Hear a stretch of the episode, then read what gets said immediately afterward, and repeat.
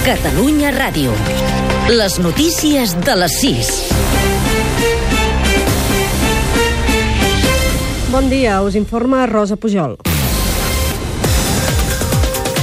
El Comitè Federal del PSOE decidirà avui la seva posició davant la investidura de Mariano Rajoy. El president de la gestora, Javier Fernández, aposta per una abstenció unànima del grup parlamentari que permeti la reelecció del líder popular. A Madrid, partidaris de l'exsecretari general socialista Pedro Sánchez es van concentrar ahir davant la seu del carrer Ferraz per exigir al PSOE que, no, que voti no a Rajoy i que celebri un congrés extraordinari. També el PSC, el PSOE de les Balears i altres federacions continuen defensant el no a Rajoy.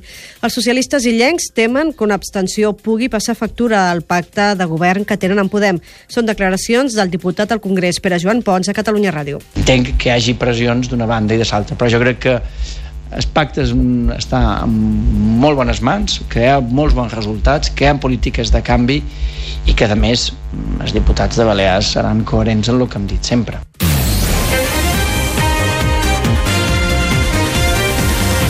Les bases del Partit Demòcrata Català han ratificat el nou nom de Partit Demòcrata Europeu Català amb més d'un 85% dels vots a favor. A partir d'ara començarà el desplegament territorial del nou partit i emplacen els associats a votar de nou el 12 de novembre els membres del Consell Nacional. I el grup de telecomunicacions nord-americà AT&T ha anunciat aquesta matinada un acord per comprar Time Warner, propietària de cadenes com HBO, CNN o els estudis Warner Bros. per 79.000 milions d'euros. La col·legiata de Sant Vicenç de Cardona és des d'ahir tresor de la cultura cinematogràfica europea per haver estat l'escenari de la pel·lícula Campanades a mitjanit d'Orson Welles. És la primera vegada que els acadèmics europeus fan aquesta distinció amb un espai emblemàtic de l'Estat.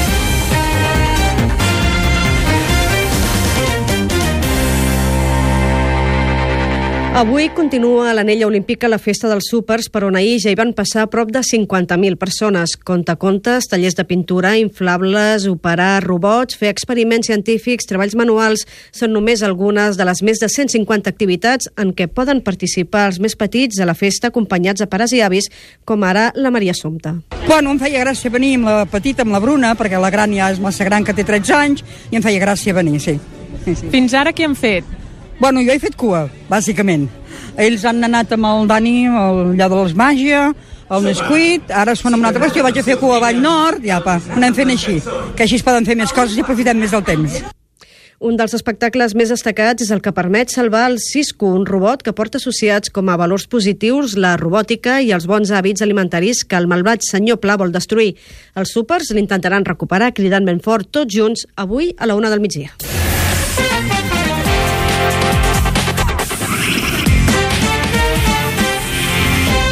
Als esports, en marxa la cursa de Moto2 del Gran Premi d'Austràlia de motociclisme. El barceloní Àlex Rins s'està jugant les opcions de títol mundial amb el campió i líder de la categoria. Filip Ailan, enviat especial. Damià Aguilar, bon dia. Bon dia, ha caigut Àlex Rins i potser ha perdut les opcions que tenia de ser campió del món. Encara matemàticament no. El campió i líder Joan Zarco està patint ara mateix en la tretzena posició quan falten quatre voltes i Tom Luti entra plenament en la lluita per aquest mundial perquè està liderant aquesta cursa que podria guanyar. A la, a la de Moto3 ha guanyat Binder amb el podi del valencià Aron Canet, la caiguda del barceloní Rodrigo i fora dels punts Albert Arenas, el gironí, en menys de mitja hora en directe per Catalunya Ràdio, Univers MotoGP amb la cursa de la categoria reina. Damià Aguilar, Catalunya Ràdio, Filip Aire. Fins aquí les notícies.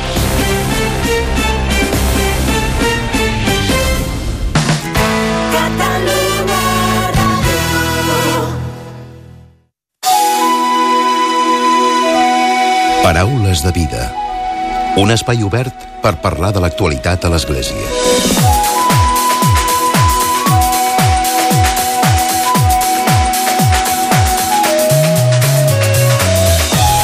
Què tal? Salutacions i molt bon dia, molt bon diumenge. Avui volem conèixer el projecte educatiu que tiren endavant des de l'Escola Nostra Senyora de Lourdes de Barcelona, un centre d'educació infantil i primària impulsat per la Congregació de les Germanes de Sant Felip Neri. Precisament aquest estiu l'escola ha celebrat els 50 anys des que va acollir la primera, per primera vegada l'escola d'estiu de mestres Rosa Sensat. Una gran part de la comunitat religiosa de l'escola van participar activament d'aquesta iniciativa, tot aprenent de pedagogs importants que apostaven per un model educatiu innovador, integral i pioner en les formes. L'escola Lourdes de Barcelona treballa també els aspectes de la interioritat per tal que els nens i nenes siguin autèntics, creatius i respectuosos amb tot allò que els envolta. De seguida en parlem, ho fem amb la directora, la Mireia Trias, i també amb la Berta Meneses, que és religiosa filipense i cap d'estudis de l'Escola Lourdes de Barcelona.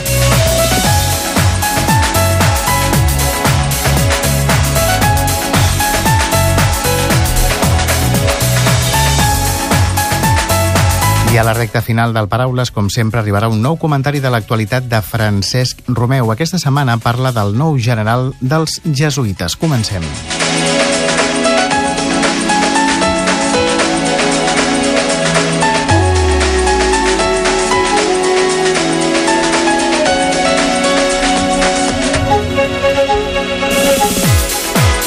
I donem la benvinguda a la Mireia i la Berta. Bon dia. Bon dia. Bon dia, bon dia. Paraules de vida. Gràcies. Gràcies. Parlem de- d'aquesta escola i d'aquest projecte educatiu. Ara, grans trets, hem dit una mica com és. És un projecte integral, un projecte que té en compte la persona, el nen i la nena, no? Exacte. Sí, nosaltres expliquem el nostre projecte educatiu a través d'un símbol que és una flor. Mm? Per què vam triar aquest símbol? Perquè la flor és un element viu com l'escola, que és viva, que és dinàmica, no? que constantment està en renovació contínua. No? En aquesta flor, si ens imaginéssim una flor, les arrels d'aquesta flor són les ar- arrels filipenses, no? perquè com tu molt bé has dit, la comunitat religiosa de Sant Felip Neri és la comunitat que, tant a nivell pedagògic com a nivell espiritual, és la base, és la que sustenta aquest projecte. En el centre d'aquesta flor, en el cor d'aquesta flor, serien tots els nens i nenes. Tot el que fem, tot el que pensem, tot el que planifiquem dins de l'escola està centrat en ells, perquè és el centre de tot el que fem. I nosaltres, com bé deies, diem que volem formar nens i nenes autèntics.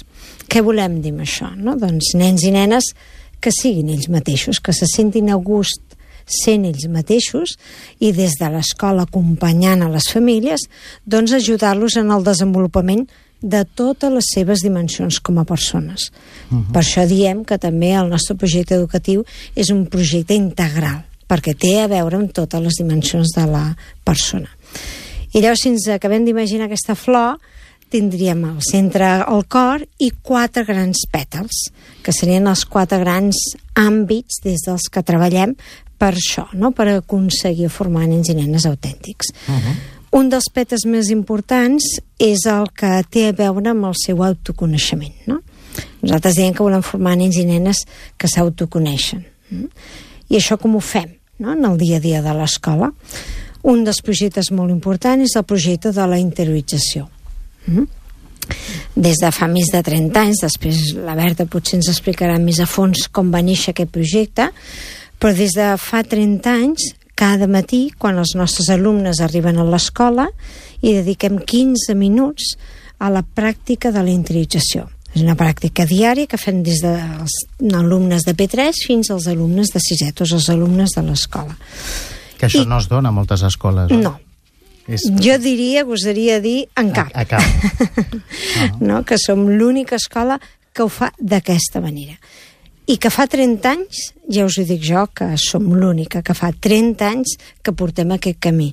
Evidentment no ho fem igual ara que quan ho vam iniciar fa 30 Clar, hi ha anys. hagut una no? evolució, clar. Ah, exacte, uh -huh. hi ha hagut una evolució, no? Uh -huh. Si no, potser la Berta ens pot explicar no? una mica com es va iniciar tot aquest projecte, no? Si podria dir que sempre nosaltres hem pensat que no havien de donar als nostres alumnes res que el pas del temps els obligués a abandonar. És pràcticament aquesta idea la que ens va plantejar tant en les classes de cultura religiosa o de religió com tot l'esperit de l'escola, donar uns mitjans, uns medis hàbils perquè els alumnes fossin, eh, les fossin efectius amb ells a, a la llarg de tota la seva vida. No? I així, quan van desenvolupar eh, aquesta, aquest programes, podríem dir-ho, aquesta manera de fer la interioritat, és ajudar-les a harmonitzar tots els nivells que configuren la seva persona i la seva vida. O sigui, podríem dir que és de quina manera eh, equilibrem el cos, la ment, el cor i l'esperit i els senyors... Un equilibri total, no?, interior. Eh, eh, exacte, i això lo podem dir que és, com un, és un programa que hem anat elaborant, ha anat creixent, eh, han començat fa 30 anys, com deia la Mireia, i per tant hem desenvolupat eh, aquesta idea basant-nos en les experiències de moltes escoles, hem, hem anat, de, hem recorregut totes les grans eh, idees pedagògiques en aquest sentit, des de les escoles de Basel, de, de Rudolf Steiner, a Urusbati de la ètica vivent d'Itàlia o la Finjor en Escòcia, etc etc. Hem fet tota molta investigació o les escoles de Lyon, eh, a, incorporant què? Incorporant mètodes, mitjans que des de la psicologia, la neurobiologia i i sobretot les tècniques d'interioritat tan relacionades amb la visualització, la meditació i, i les corporals, eh? la, la capacitat de la respiració conscient, la relaxació, les tècniques de Qigong o de Tai Chi o de, o de yoga o de biodança o kinesiologia. El mètode Vitoz és un mètode que apenas coneix la gent, no? és un mètode de desvetllar completament els sentits a la percepció. Clar, eh? els, els nens comencen mm. relaxats i amb amb, amb la ment oberta, no?, per Exacte. afrontar el dia, és sí. així? Exacte. I això, clar, ho fan des de que són petits cada dia que venen a l'escola, cada matí... És sempre, cada és dia. sempre, cada dia que comencen així, no? I això crea un hàbit, una manera de començar l'escola, eh, que això els hi queda impregnat, podríem dir. Alguns deia, és que això deu quedar en el seu ADN. Bueno, no ho hem comprovat científicament, però sí que ho podríem dir perquè la nostra experiència al llarg dels anys, quan molts d'aquests alumnes retornen, quan els anem veient créixer, que ja no estan a l'escola, ens ho diuen, no? I a vegades ho han utilitzat d'una manera molt pràctica, no? Jo recordo l'any passat un exalumne que ja té 35 anys i m'explicava la situació, diu que ella té pànic en el dentista. I llavors quan, abans d'entrar a la... quan està a la sala d'espera, abans d'entrar a la cabina, el que fa és les tècniques de respiració que li vam ensenyar a l'escola. No? És a dir que... I això l'ajuda a poder entrar en un altre estat, no? Però també altres exalumnes ens han explicat que després han seguit camins doncs, de fer ioga, de fer meditació... Clar, això. Diguéssim que l'escola s'ha obert una porta, no? Exacte. I han pogut... O sigui, sí, és donar-los en aquell mateix moment també les eines concretes, com deia la Berta, no? de totes aquestes tècniques de respiració, de ioga, de qigong, de visualitzacions. Uh -huh. O sigui, ells ja ho experimenten en aquell moment no? i en el dia a dia de l'escola, però també el que volem és això que ha començat dient la Berta, no? Que els hi serveixi per la vida, no?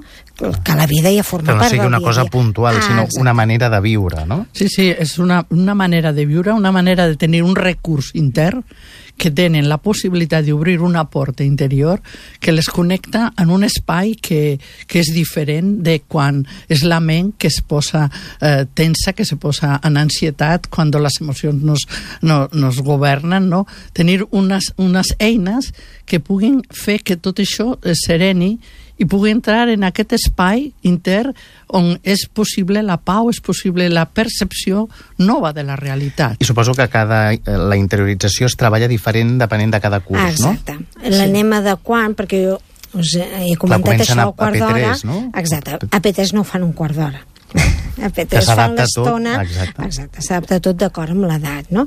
P3 P4, però P5 ja sí eh, que sí. fan aquest quart d'hora però P3 P4 ho fan gradualment no? i a mesura perquè hi ha grups que són capaços de fer-ho bueno, meravellaríeu de veure un nen de P3 com és capaç, clar, amb els petitons treballes molt més les tècniques des del cos, no? perquè és la seva eina principal d'aprenentatge i la seva vivència principal, no? i per tant es va graduant una cosa també molt important és que d'aquesta manera que abans ens has preguntat, només ho fem a la nostra escola.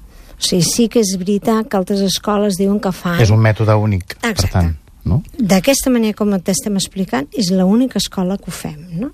De fet, tenim també altres escoles, altres entitats que a vegades ens han vingut a visitar per veure com ho fem, no? com ho portem a terme i a vegades, o perquè ells han fet el seu recorregut o perquè ens han vist a fer-ho nosaltres, han adaptat o ho han fet a la seva manera. No? Però de la manera que t'estem explicant i també, jo penso que és molt important, amb aquesta base teòrica, amb aquesta base científica, podríem dir, no? que ha explicat abans la Berta, això també és molt important per nosaltres, no? Clar. Perquè fa 30 anys això no es parlava. I en canvi ja va haver-hi per part de la comunitat aquesta intuïció d'anar cap aquí. Mm? Uh -huh. I ara tenim la sort que a nivell científic ja es pot començar a comprovar totes aquestes coses i de fet doncs, són algunes tècniques que no només s'utilitzen a l'educació també s'utilitzen en altres disciplines perquè es veuen doncs, la potència que tenen no? Uh -huh. L'ideari filipense és molt important, no?, l'escola. Sí, bueno, és important. Eh, nosaltres... És essencial, diguéssim. Exacte. No? És, eh, és curiós perquè la comunitat en realitat ha nascut en Mataró eh? en el 1858, o sigui, molts anys, i amb una, en una missió molt concreta, que era la revolució industrial i l'educació a aquestes noies que venien a treballar a les fàbriques, a les fàbriques. i que no tenien eh, eh, cultura de cap mena, no? I ha estat tan important la, la manera de fer que va crear problema en, les, en totes dues classes, eh? les classes socials, eh? tant los, los que podríem dir de la classe alta, perquè, perquè estàvem potenciant una cultura determinada que, que les feia lliures aquestes noies i capaços de reivindicar els seus drets, no? i per una altra part també a, a la part que podríem dir més conservadora, per la manera perquè la fundadora fa, no fa massa anys van trobar en, en els arxius justament la informació de quin era el, el mètode pedagògic que utilitzava i llama l'atenció perquè era crear un esperit lliure una gran amabilitat en el tracte, un acompanyament continu a les, a les alumnes, un espai eh, eh, de bellesa etc etc. no? O sigui, eh, conèixer en contacte, les excursions seran importants, i tot això dintre de la cultura i l'espiritualitat, o sigui, també era la doctrina cristiana en aquell Clar. moment, eh? O sigui... I tot un èxit, no? Un projecte educatiu que és un èxit. Sí, una part també clau d'aquest èxit és, són els mestres, la formació, no? dels mestres també en tota aquesta pedagogia filipense i concretament amb l'anterioritat. No? Uh -huh. En aquest sentit, ja fa molts anys no? que des de la Casa d'Espiritualitat Sant Felip Neri es fa una formació contínua en aquest pel sentit. Professorat. Pel professorat. Oberta també a altres educadors que vulguin. No? I després fem una formació interna a la pròpia escola i acompanyem aquests mestres que s'inicien a la nostra escola que vagin coneguent, que vagin eh, també endinsant-se en aquesta manera, en aquesta pedagogia de la interioritat, que podríem dir. Doncs pels pares i mares que avui ens hagin escoltat a través del programa, és una escola de Barcelona, uh mhm. -huh. hem de dir que els pares i mares també de, a través de les AMPAs estan molt implicats. Molt. Hi ha un vídeo al YouTube uh -huh. que es mhm. pot posar en Escola Lourdes de Barcelona. Et redreça aquest vídeo on hi ha explicat en 9 minuts mhm. -huh. quina és l'oferta que, que oferiu, oi? L'oferta pedagògica. Sí. També i per acabar, sí. Digues sí, sí. No, que la clau és el que tu deies, també les famílies, no? La també implicació... És, ah, exacte, la implicació de les famílies, no? En el sentit que nosaltres ens sentim realment com una comunitat educativa, no? I les famílies també ens ajuden molt a portar a terme aquest projecte de fet, educatiu. mirant el vídeo aquest es veu sí. que hi ha un ambient familiar sí. molt gran. Sí. O almenys això és el que transpua el, el vídeo. Ah, exacte, i molta estima i molt respecte, no? Per la feina que fem dins de l'escola i nosaltres també per la feina que fan les famílies respecte a això que són els nostres alumnes. No? Clar. I aquí ens sentim doncs, molt en sintonia amb aquest projecte que portem tots endavant. Doncs Mireia i Berta, gràcies el temps es fa curt sempre. Sí. Gràcies i molta sort. Molt bé. Moltes gràcies. Moltes gràcies. Paraules de vida. Un espai obert per parlar de l'actualitat a l'Església. I tot seguit arriba el comentari de l'actualitat de Francesc Romeu. Francesc, molt bon dia. Molt bon dia a tothom. El divendres de la setmana passada, 14 d'octubre, a Roma, va ser escollit el nou general de la Companyia de Jesús dels Jesuïtes, una responsabilitat que ara recaurà sobre un veneçolà, Arturo Sosa, Per primera vegada en la història dels jesuïtes, un sud-americà assumeix aquesta responsabilitat mundial. Com era d'esperar, els 212 jesuïtes representants de totes les províncies que hi ha al món, reunits en la 36a Congregació General de l'Orde, tenien la responsabilitat d'escollir un general que estigués a l'alçada d'uns nous temps en el món i d'una nova realitat d'església liderada ara per un papa francès que és jesuïta també i que ha vingut també de Llatinoamèrica, de la perifèria, com diu ell. Fins ara tots els generals dels jesuïtes sempre havien estat europeus, signe claríssim de la centralitat europea de l'Església, però ara ja no és així.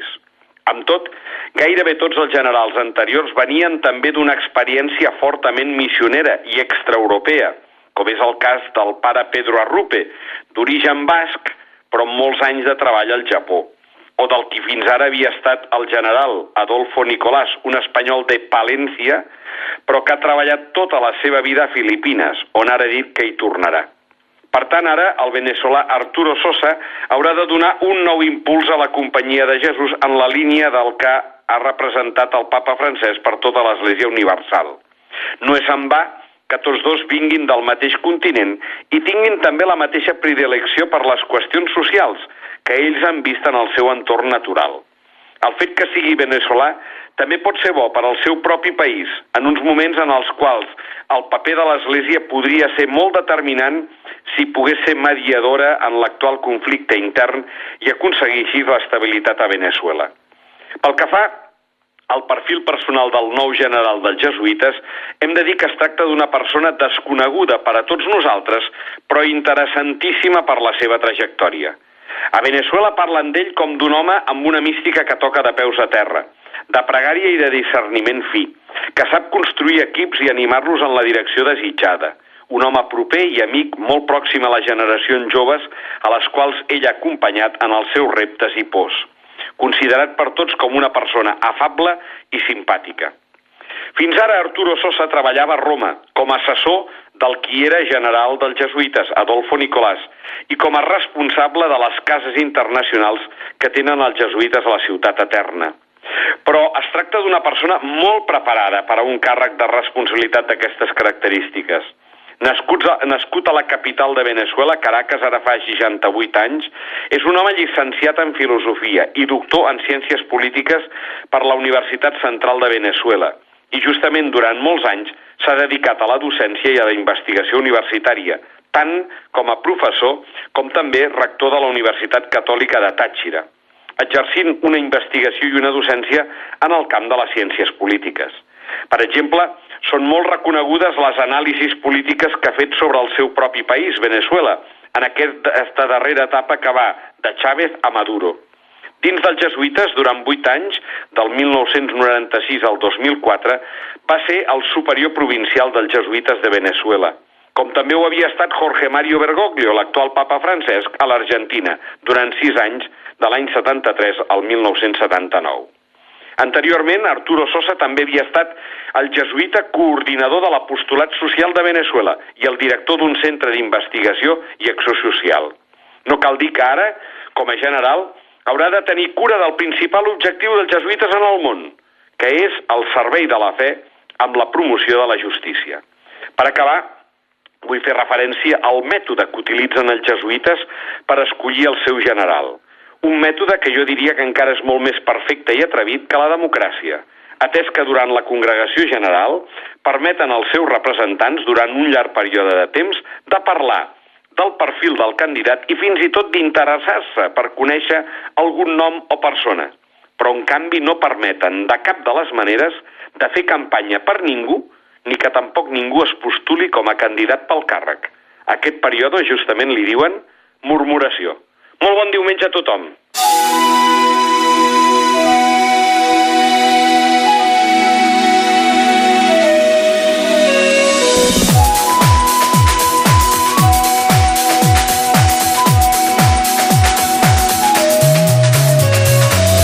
Punt i final al Paraules de Vida d'aquesta setmana i d'aquest diumenge. En Josep Maria Campillo ha estat el control tècnic i que us ha parlat l'Emili Pacheco. Que passeu bon diumenge i una molt bona setmana. Us oferim la carta dominical de l'arcabisbe de Barcelona, Joan Josep Omella.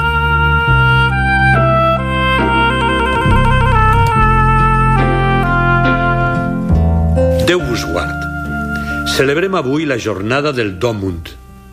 En aquesta data tan missionera, el papa Francesc ens convida a tots els cristians a viure el nostre compromís de batejats amb més generositat. Ens diu, tots estem convidats a sortir com a deixebles missioners oferint cadascú els seus propis talents, la creativitat, la saviesa i l'experiència a portar el missatge de la tendresa i de la compassió de Déu a tota la família humana. Dos mil anys després de l'inici de la missió, són moltes les àrees geogràfiques, culturals, humanes o socials en què Crist i el seu Evangeli no han penetrat encara. Com no escoltar la crida que sorgeix d'aquesta situació? El mandat del Senyor, aneu doncs a tots els pobles, continua ressonant en el cor de tot batejat. Davant d'aquestes paraules de Jesús, hauríem de preguntar-nos tots, comunitats, batejats, consagrats, quin tipus de sordesa ens impedeix escoltar-lo? quines resistències ens impedeixin a nosaltres, seguidors de Jesús, avançar amb coratge i valentia per aquest camí de la missió. Els homes i les dones del nostre temps tenen dret a conèixer la bona nova de Jesús. Qui ha conegut l'alegria de la trobada amb Crist Salvador no pot tenir-la tancada dins seu, l'ha d'irradiar. L'evangelització constitueix un servei òptim a la humanitat, amb vista a realitzar el projecte de Déu que consisteix en unir amb ell per mitjà de Jesucrist en eterna aliança d'amor, en l'amor i la unitat de l'Esperit Sant, tots els homes, fent-ne un poble de fills, de germans, lliures de tot mal i animats per sentiments d'autèntica caritat. En aquesta tasca estan compromesos els missioners. Així ho expressa un missioner d'Àfrica. En el nostre caminar humil ens acostem a les cases dels homes demanant sostre, menjar i amistat. I donem a canvi, com ens ho demana l'Evangeli, l'extraordinari regal de la pau. El missioner és l'home de la trobada amb Déu i amb els homes. És el testimoni de la presència activa de Déu en el món i és el guia per a tots els que el busquen és el pregoner de l'amor entranyable i universal de Déu cap a tots els homes. Molts homes i dones de la nostra església diocesana treballen com a missioners en els diferents continents del món, Amèrica Llatina, Àfrica, Àsia. Els recordem amb gran afecte, especialment en aquest dia. Demanem al Senyor que els enforteixi en aquesta preciosa tasca en què certament no els falten fatigues, disgustos i fins i tot persecució. Però, sabent-ho, perseveren amb goig en la missió que se'ls ha encomanat per mitjà de l'Església. Són admirables, són els fills predilectes de l'Església. Que el seu exemple animi els joves de les nostres comunitats cristianes perquè dediquin també la seva vida a donar a conèixer, estimar i servir Jesucrist, veritable Déu i home, únic camí a través del qual el món pot descobrir l'alta vocació a què és cridat. Però no n'hi ha prou amb la pregària i l'admiració pel que fan els missioners. Cal que nosaltres siguem més valents a proclamar Crist, també en els nostres ambients, perquè Jesús és bona notícia per als homes de tots els temps. És l'hora del teu compromís missioner, se'ns diu en aquesta Jornada Mundial de les Missions 2016 sortim de la nostra terra. Si el Senyor ens crida, i siguem generosos també amb la nostra aportació econòmica, que serà una gran ajuda per a les tasques missioneres a tots els continents del món. Acabo amb les paraules d'un poeta anònim. No et guardis, Déu, com es guarda una herència. La teva vocació, com la de la Mare de Déu, com la d'Israel, és deixar passar el Crist donar-lo ara i a la llum, perquè el món es posi en camí cap a Déu.